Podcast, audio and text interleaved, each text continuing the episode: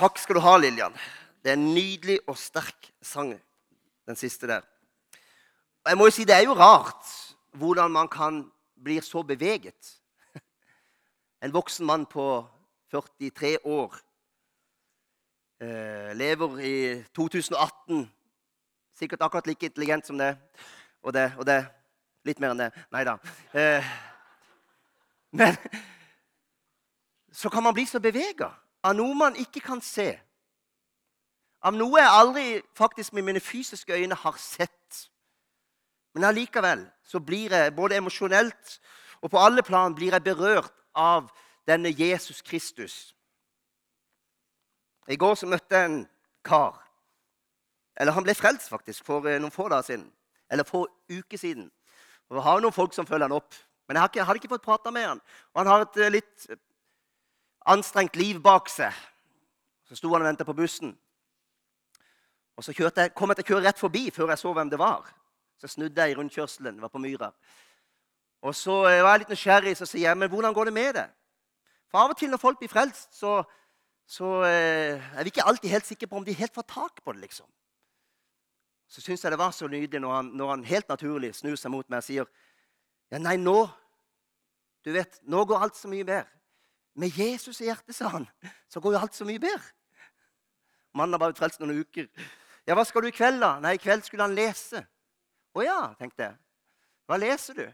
Han så nesten rart meg, som om han skulle lese noe annet enn Bibelen. Nei, Bibelen, sa han. Så tenkte jeg ja, men dette her lover godt. Han hadde fått møtt noe som, hadde, som hadde satt seg fast i ham. Den som tror på meg, fra hans indre skal det, som Skriften sier, renne elver av levende vann. Johannes 7, 38. Du vet, mat Noen er jo noen er mer glad i mat enn andre, men eh, mat må vi alle ha. Da ler Kristine, for dette, jeg kommer jo aldri på jobb uten å se Kristine spise mat. Og så er hun likevel så slank som hun er, så det er jo en voldsom forbrenning. Men uansett, mat det oppfatter vi jo veldig forskjellig. Og det er ganske interessant at mat, til og med den samme brødskiva med gulost, kan smake ganske forskjellig fra den ene dagen til den andre. Alt etter dagsformen. Og hvis du er forkjøla som jeg er nå, så du får tilgi meg om jeg hoster i denne Hvis du er forkjøla, smaker du alltid, da smaker du jo lite. Maten mister jo sin smak. Det er veldig kjedelig da, hvis det er akkurat den dagen kona har bestemt seg for å overraske deg med et årets festmiddag. Eh, det, det, da er det hardt å leve, altså. Spesielt når du i tillegg vet at du må vente helt til jul før du får lignende mat igjen. Men det er så. Jeg har lyst til å si noe om at næringsinnholdet i den skiva, den enkle skiva med ost, den er nøyaktig lik den dagen du egentlig er forkjøla og smaker lite, som den dagen tre dager før du var frisk. Den er helt nøyaktig lik. Kroppen og maten gjør sin gjerning. Jeg har lyst til å knytte det til Guds ord. De fleste av oss er jo smarte nok. Til og med når vi har litt nedsatt matlyst eller ikke appetitt, så skjønner vi, og fordi vi vet, og fordi vi har erfart, at uten mat så blir vi slitne og slappe og får hodepine, og så blir vi veldig på dårlig lag. Spesielt Nei, det skal jeg ikke si. Men jeg kan nevne at jeg har syv søstre. Vi spiser selv når vi ikke er sultne, for vi vet at vi må ha det. Og Jeg har lyst til å si noe om Guds ord og si det er mat for vår sjel. Og det er ikke alle dager du finner festmåltidet. Det er ikke alle dager du liksom smaker den brune sausen. Noen dager kan det være knekkebrød, men det er næring, det òg. Jeg har så lyst til å si at den virker, for det, det bor en kraft i det ordet der. Det er en levende bok. Og så har jeg lyst til å si det er en forunderlig bok. Den er stor, den er tung, iallfall min. Du må ha predikantbibel, vet du. Og så er den omfattende, ganske komplisert mange steder. Men så er det en levende bok. Og så er det mer enn bare en bok. Det er mer enn bare bokstaver. Og allikevel så kan vi mennesker i tider, enkelte dager, oppleve at det er både tungt og De frommeste av dere dere rister på hodet, vet du, men det, du gjør det, akkurat som meg. Opplever at det er tungt. Noen kan oppleve at det er endog noe tørt enkelte dager. får du hakaslepp. Predikanten som skal forkynne det levende ord. Står du her og sier at Guds ord er både tørt og tungt? Nei, det har jeg aldri sagt. Jeg sier ikke at Guds ord er tørt og tungt, men jeg sier at vi som mennesker har forskjellige dager og kan oppleve det. Men det fins en dimensjon over hva jeg opplever. Det er at Guds ord står fast. Og så tenkte jeg på det at av og til vet du, så blar du. Og så blar du. Ja, skal vi se Du kjenner deg igjen. Du skal lese litt. Ja, det var den, ja. 'Bortkomne sønn', ja. ja. Den kjenner vi godt. Ja, der ble den. Han ble helbreda, ja. Det har jeg lest før. Der, ja. Så der, der går, du, du leser bare overskriftene. Der går Peter på vannet, ja. Så fint. Men så er du i en situasjon hvor livet kanskje er vanskelig. Jeg kunne ha kjent på det her. Og så sitter du og blar og leiter, for du tenker ja, så fint for Peter at han fikk gå på vannet. Eller så fint for den lammen som er reist opp. Men allikevel så sitter du og føler men hva, hva betyr det for meg i dag? Så syns jeg det her er vranglære. Nei, men hør. Det som er, gjør denne boka til en så levende bok. Gang på gang så kan vi oppleve at når vi sitter der endog og bare blar, hvileløst frem og tilbake Plutselig skjedd mange ganger, og det skjer stadig vekk. og Det er det som overrasker. Det er derfor jeg sier det er en levende bok. Plutselig så er det som om enkelte ord bare, eller setninger Har du opplevd det? Sti, nærmest stiger ut av boka og kommer til liv. Og det er som om alt annet rundt det bare falmer. Du ser det ene ordet. I alt du har sittet og bladd deg gjennom, så er det et ord som stiger opp og kommer til liv og treffer deg i hjertet. Og det er som om Herren sjøl taler. Man får nærmest en opplevelse at akkurat de ordene der de er skrevet bare for meg i min situasjon her og nå. Det er den bok vi har med å gjøre. Det er derfor den er så forunderlig. Det er en historiefortelling, det er en historisk bok, men det er en levende bok som er mat for vår sjel. Og sammen med Den hellige ånd så er det fantastisk hvordan Gud kan bruke sitt ord til å styrke oss og trøste oss. Bill Johnson, kjenner dere han? Mange her kjenner Bill Johnson. Vet du hva han sier? Han sier 'Jeg leser Guds Han sier 'Jeg leser til jeg hører hans stemme'. Det er artig sagt. Jeg leser til jeg hører hans stemme. Han vil tale til oss. Han vil møte oss. Jeg leser så godt som aldri en vanlig bok to ganger. Jeg husker litt for godt til det, så det blir bare gjentagende. Men Bibelen, det er noe annet. Det er ingen vanlig bok. Den er levende, og det er mat for min sjel. Der passer det veldig bra med et amen. Hva var det vi leste? Den som tror på meg, fra hans indre skalde, som Skriften sier, renner elver av levende vann. Det er jo interessant at Jesus han refererer til Skriften. Han som er visdommen sjøl, Guds sønn, som innehar all verdens kunnskap og all verdens innsikt. Han skulle strengt tatt ikke være nødvendig være på en måte låst til og bundet til å bekrefte sitt ord ut ifra Skriften. Kunne ha talt ut ifra seg sjøl, ut ifra det himmelske forråd, men han gjorde aldri det. Han talte som Skriften sier. Visdommen sjøl refererer til Skriften. Hvor mye mer er vi? Du vet, min subjektive opplevelse Tenk på mat. Den ene dagen litt sånn, den andre dagen litt sånn. Min subjektive opplevelse avgjør ikke sannheten av Guds ord. Min personlige opplevelse av Gud er ikke nok for å definere Gud. Hører du hva jeg sier? Det er ikke nok. Det rommer jo ikke hele Guds vesen, all hans fylde. For jeg har mer å oppleve. Jeg har mer å innta. Han er større enn hva jeg har erfart. Men jeg har smakt en bit av han. Og jeg har fått erfart han. Men han har mer å gi. Du vet, Paulus sier at vi, vi ser stykkevis og delt. Og da legger jeg til sitat Geir, vi føler stykkevis og delt. Den ene dagen er du veldig salig, og så er du litt mindre salig den andre dagen. Men Guds ord er, som Vidar sa forrige søndag, det er fasiten. Det er rettesnora for våre liv.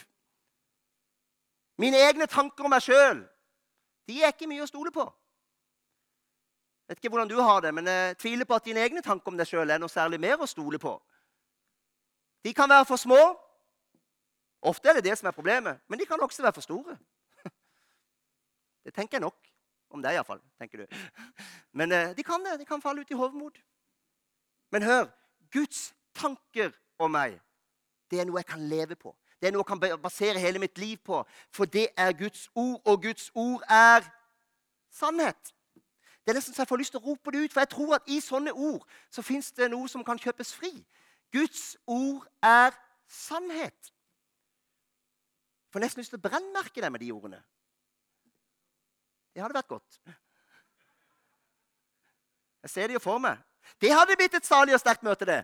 Bokstavelig talt. Hvis jeg fikk brennmerkene med de ordene på din panne og jeg ser det, Dere står her i kø, vet du. Rosen står opp. Jeg skal love det. Da hadde, aldri, da hadde du aldri glemt det ordet. Og jeg tøyser litt, men vet du hva? det er ikke bare tøys, faktisk. For det er Israels folk de fikk beskjed om å ta vare på hans ord.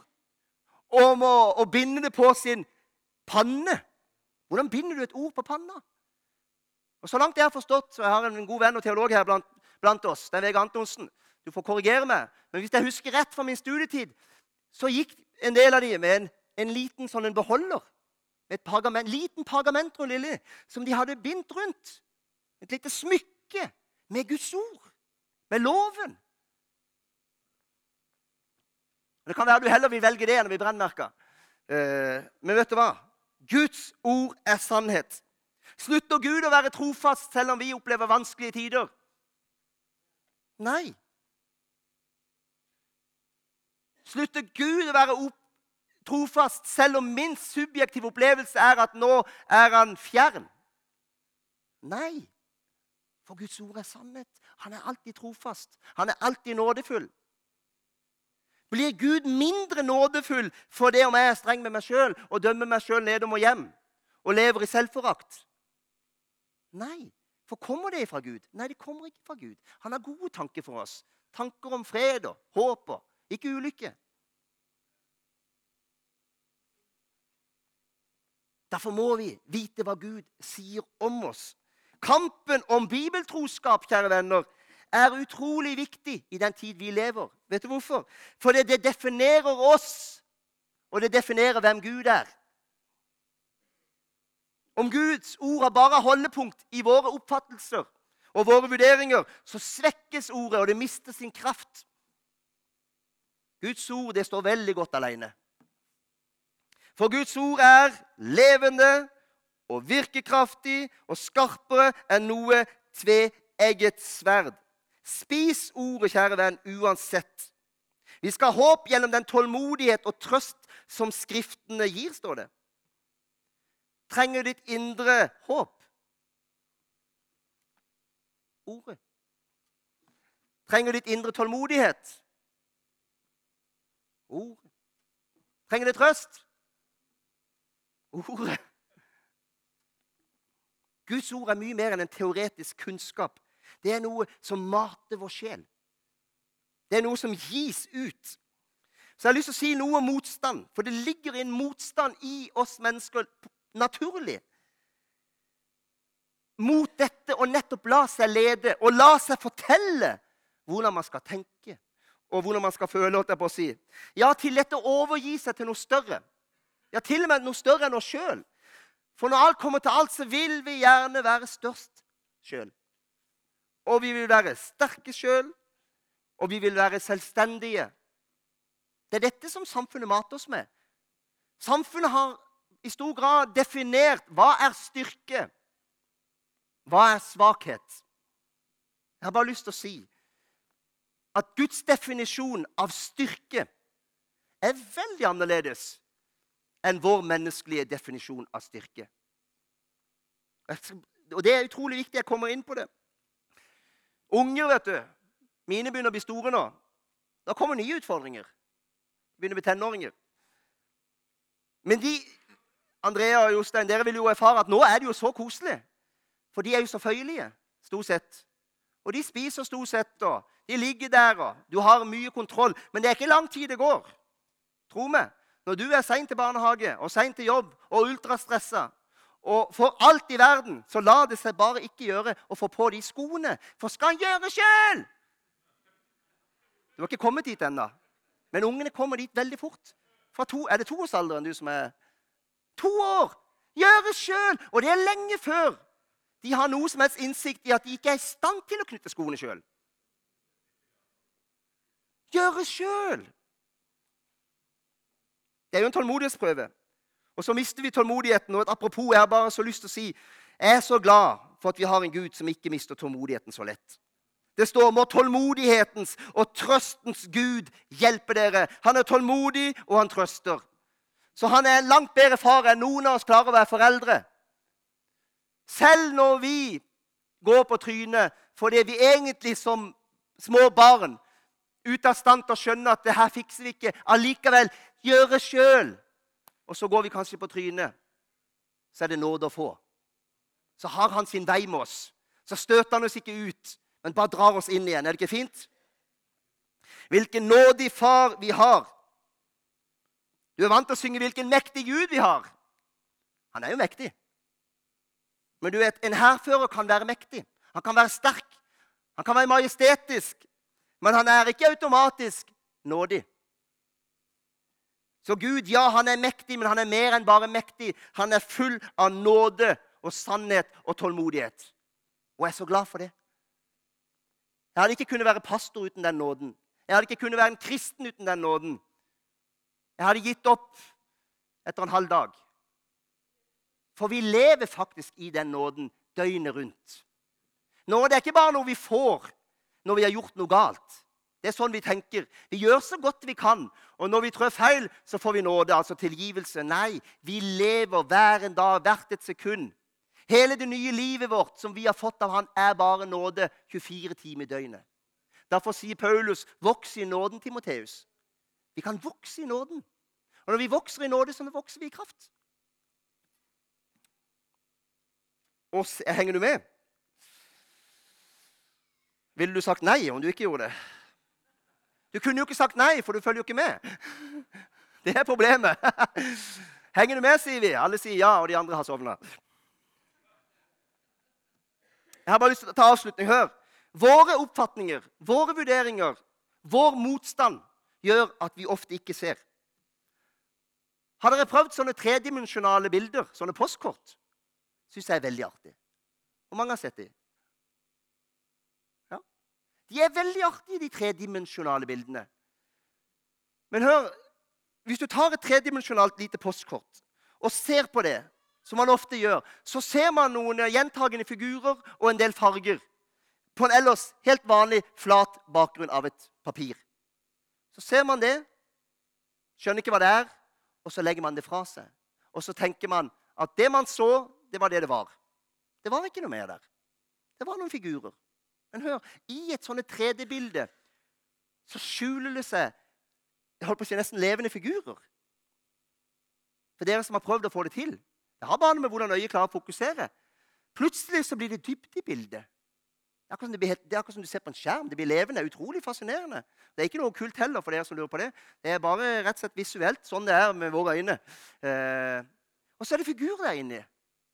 For øyet evner å fokusere sånn. Så tenker jeg Så er det litt sånn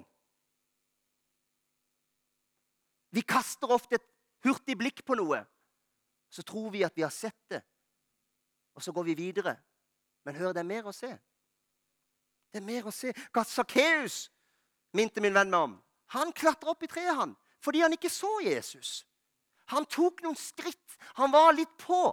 Han ville så gjerne se ham. Han klatra opp der, så han fikk se ham. Og Jesus sier, 'Let, og du skal finne'. Bank på, og det skal bli lukket opp for deg. Evangeliet står ikke skrevet i stjernene. Vi skulle ønske det gjorde det. Men det er et mysterium på mange måter. Jesus sier til disiplene, 'Dere er hemmeligheten om Guds rike gitt.' Og så sier han noe rart. Verden skal se og se, men ikke skjelne. De skal høre og høre, men ikke forstå. Jeg har lyst til å si med disse bildene her, til du som henger med Hva er trikset for å få frem et bilde i sånne sånt 3D-bilde? Du må rett og slett fokusere på en annen måte enn det du gjør ellers i det naturlige. Hvis du ser på det som et helt vanlig bilde, litt sånn hurtig, så ser du ingenting. Du må gjøre noe som ellers ikke er naturlig for deg. Og sånn er det litt med evangeliet. Det er et slags mysterium. Vi har vår natur. Hvor mye er naturlig for? Vi søker en del ting som, som føles naturlig. Samfunnet vil lære oss opp til hva som er styrke og hva som er kraft. Men Guds rike er et motsatt rike. Det er et bakvendt land. Den av dere som vil være størst, skal være minst. Når jeg er svak, er jeg sterk, sier Paulus. Jeg er veldig fascinert av det her. Det har noe med at den porten inn til himmelen, inn til Hans nåde og rike og kraft, den er ikke kledd i menneskelig kløkt og visdom. Den er ikke kledd i gull og glitrende innpakningspapir. Men så er det ofte de tingene vi ser og går etter. Det vi kan se, det som virker forlokkende. Men hva er det med vår skatt? Den er pakka inn i hva? I en leir kar eller krukke. Så vi har vår skatt. Hele Guds rikes hemmeligheter er på en måte Det er noe skjult over det. Og løsningen er tvert motsatt veldig ofte av hva verden vil presentere i form av at du må nærmest gå på yogakurs eller selvrealiseringskurs. Nei. Guds vei er en kapitulasjonens vei. Det er en kapitulasjonens vei. Og jeg holdt på å si nøkkelen er Det høres ikke sterkt ut, men nøkkelen er faktisk svakhet. Sterkt i kveld, Geir. Men hør nøkkelen er svakhet. Selv om han ble korsfestet i svakhet Selv Jesus Kristus gikk gjennom gikk denne vei sjøl. Gjennom hva da? Gjennom svakhet. Så lever han likevel i Guds kraft. Korinterne, Det blir sådd i svakhet, men det står opp i kraft. Det er en hemmelighet her, kjære venner. Det som ser lite ut Et sånt et bilde vi ser Nei, det var ikke noe der. Kikk en gang til. Kikk nøyere etter. Det fins noen skjulte skatter. Det fins en vei som ikke er så lett å få øye på. og Derfor står det at det er få som finner den veien. For bred er den eh, vei som fører til fortapelsen. Den er lett å få øye på, men den er smal den andre veien. Og det står på mange måter ofte vår stolthet imot. Så hva, hvordan skal du se Gud da, til avslutning?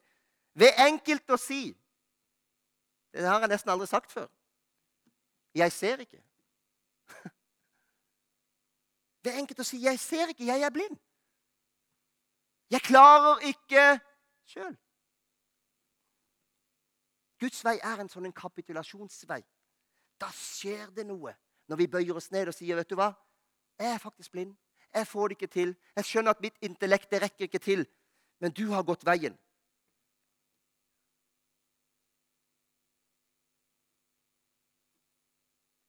Herren elsker det sønderknuste hjertet, står det. Ikke det stolte hjertet.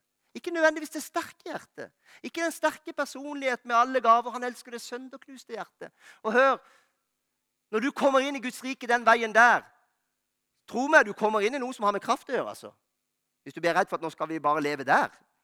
I svakhet. Nei, du kommer inn i en dimensjon av kraft og styrke som du vi, vi bare aner litt av. Men veien inn går gjennom kapitulasjon. En Gud som blir menneske, får korsfestet som en forbryter på et kors. Det er ikke mye glamorøst. Det er ikke mye forlokkende i det menneskelige. Det er ikke tilsynelatende verken styrke eller heltedåd. Og Hollywood hadde gjort det dårlig om alle deres filmer endte slik. Nei, tvert motsatt. Han ble spotta, han ble slått, han ble pint, han ble plaga. Og han fortsatte å la seg plage helt til døden tok ham. Frivillig. Hvis alle Hollywood-filmer endte sånn, så hadde det gått dårlig med dem. Nei, de appellerer til menneskene. Hvor mange filmer handler ikke om hevn? Og så sitter vi mennesker på en måte og sier han er blitt behandla urettferdig. Han har opplevd det og det. Og, og, det er jo sånn at Spesielt mannfolk. da, Se på han tusladden der som bare lar seg valse over. Og Så finner han kraft på en eller annen måte og får manna seg opp, og så får han tatt igjen. Det begynner allerede med Karate Kid. vet du. Så får han tatt igjen, og han får hevn. Og Da kjenner jo vi mennesker det er liksom litt av og til liksom, Og der fikk han tatt igjen! Det gjorde litt godt, for det var ikke rettferdig, det her! Har du kjent følelsen? Vi er bare mennesker. Så det ville ikke solgt så veldig bra for Hollywood. Men hør, han lot seg fornedre. Han lot seg bli svak for å stå opp igjen i kraft. Og vi må gå samme vei. Vi må kapitulere og si, vet du hva, vi får det ikke til. Åpenbaringen 2 taler noe om at vi må kjøpe Guds salve og smøre på øynene så vi kan se. Hva er den salven? Det er Jesu blod. Den får du gratis. Kom og kjøp uten penger. Det er Jesu blod. Hvis han får lov å smøre sin salve på dine øyne, plutselig kan du se. Så får du øye på han. Det er veldig sterkt. Sten Vegard han eh, spilte av et lite klipp for meg i går. Vi skal avslutte med det. Hør hva som kan skje gjennom Guds ord når mennesker møter Gud. P2. I biografien din så skriver du om din søken etter noe som du ikke vet helt hva er, og at det har preget uh, mye av livet ditt. Hvordan har denne søken preget både deg og, og kunsten din? Det at du har vært på leit? Ja, om akkurat det har preget det jeg har gjort opp gjennom åra, vet jeg jo ikke egentlig hva jeg skal si om. Men uh, de fleste lurer jo på hvorfor de er på denne jorda, hvor de kommer fra, hvor de skal hen. Og det gjorde jeg også, og leita da i dette Østens religioner, for det syns jeg hørtes mye mer spennende ut enn når jeg hadde vært i kjerka og sett hva som var, syns ikke jeg det var noe særlig relevant, for å si det sånn.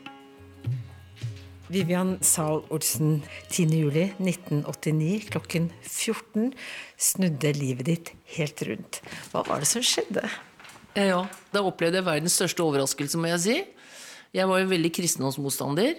Og det hadde med at jeg hadde vel opplevd det ganske treigt. Og, ja. og så um, var jeg da hjemme Da bodde jeg alene på den tida. Og så plutselig så lå jeg på kne ved sofaen, faktisk.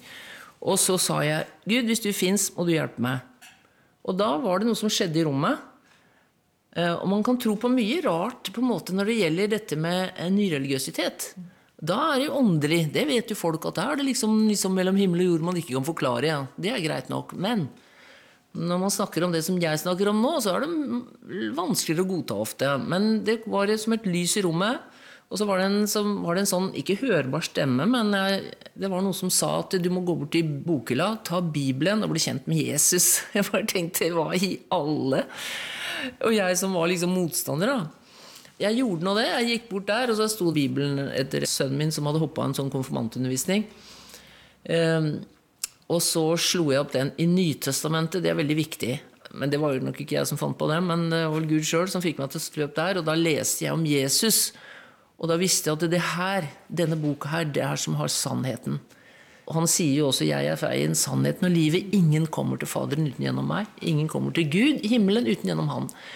Men jeg eh, opplevde det, og så visste jeg at det var noen som var kristne i nærheten der. Og jeg gikk og ringte på døra og sa ja, jeg tror jeg har blitt kristen. Hva gjør jeg med det da? Hva, hva er det?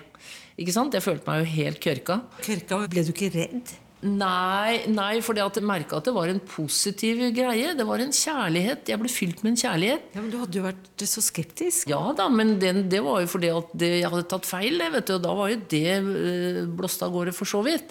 Jeg ble ikke redd. Jeg tenkte ja, Det var jo litt voldsomt. Først så trodde jeg at jeg var den eneste i hele verden som hadde opplevd noe så sprøtt. Men det skjønte jeg etter hvert at det var jo ikke det. Men de fleste opplever det jo ikke sånn. Men, men hvordan ble hverdagen din etter den opplevelsen?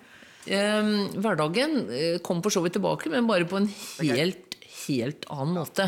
For det første så tenkte jeg Bibelen har jo ikke jeg peiling på. Så jeg ble veldig sulten på hva er det egentlig som står der. Det, er det er ganske sterkt.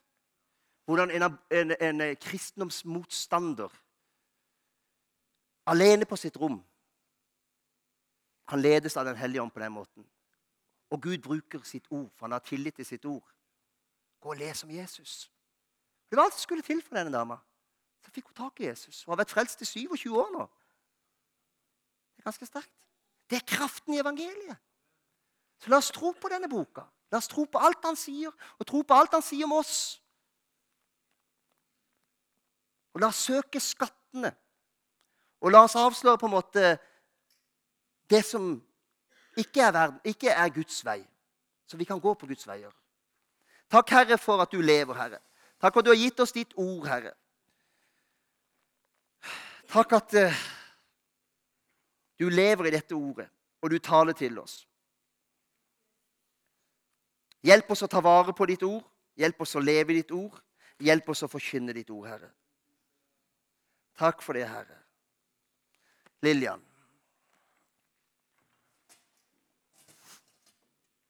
Og Nå er vi straks ved veis ende for i dag. Men om du er her og kjenner at ja, det ordet det traff meg litt i hjertet, så, så er vi her. Og jeg er her. Og jeg sitter her foran. Så er du veldig gjerne velkommen fram til å snakke og be eh, hvis du ønsker det. Er du her som går i menigheten eller ikke går her, men tenker at jeg skulle gjerne hatt noe forbønn, så er det sånn at vi nesten aldri ikke åpner opp for muligheten for mennesker til å få forbønn. Amen.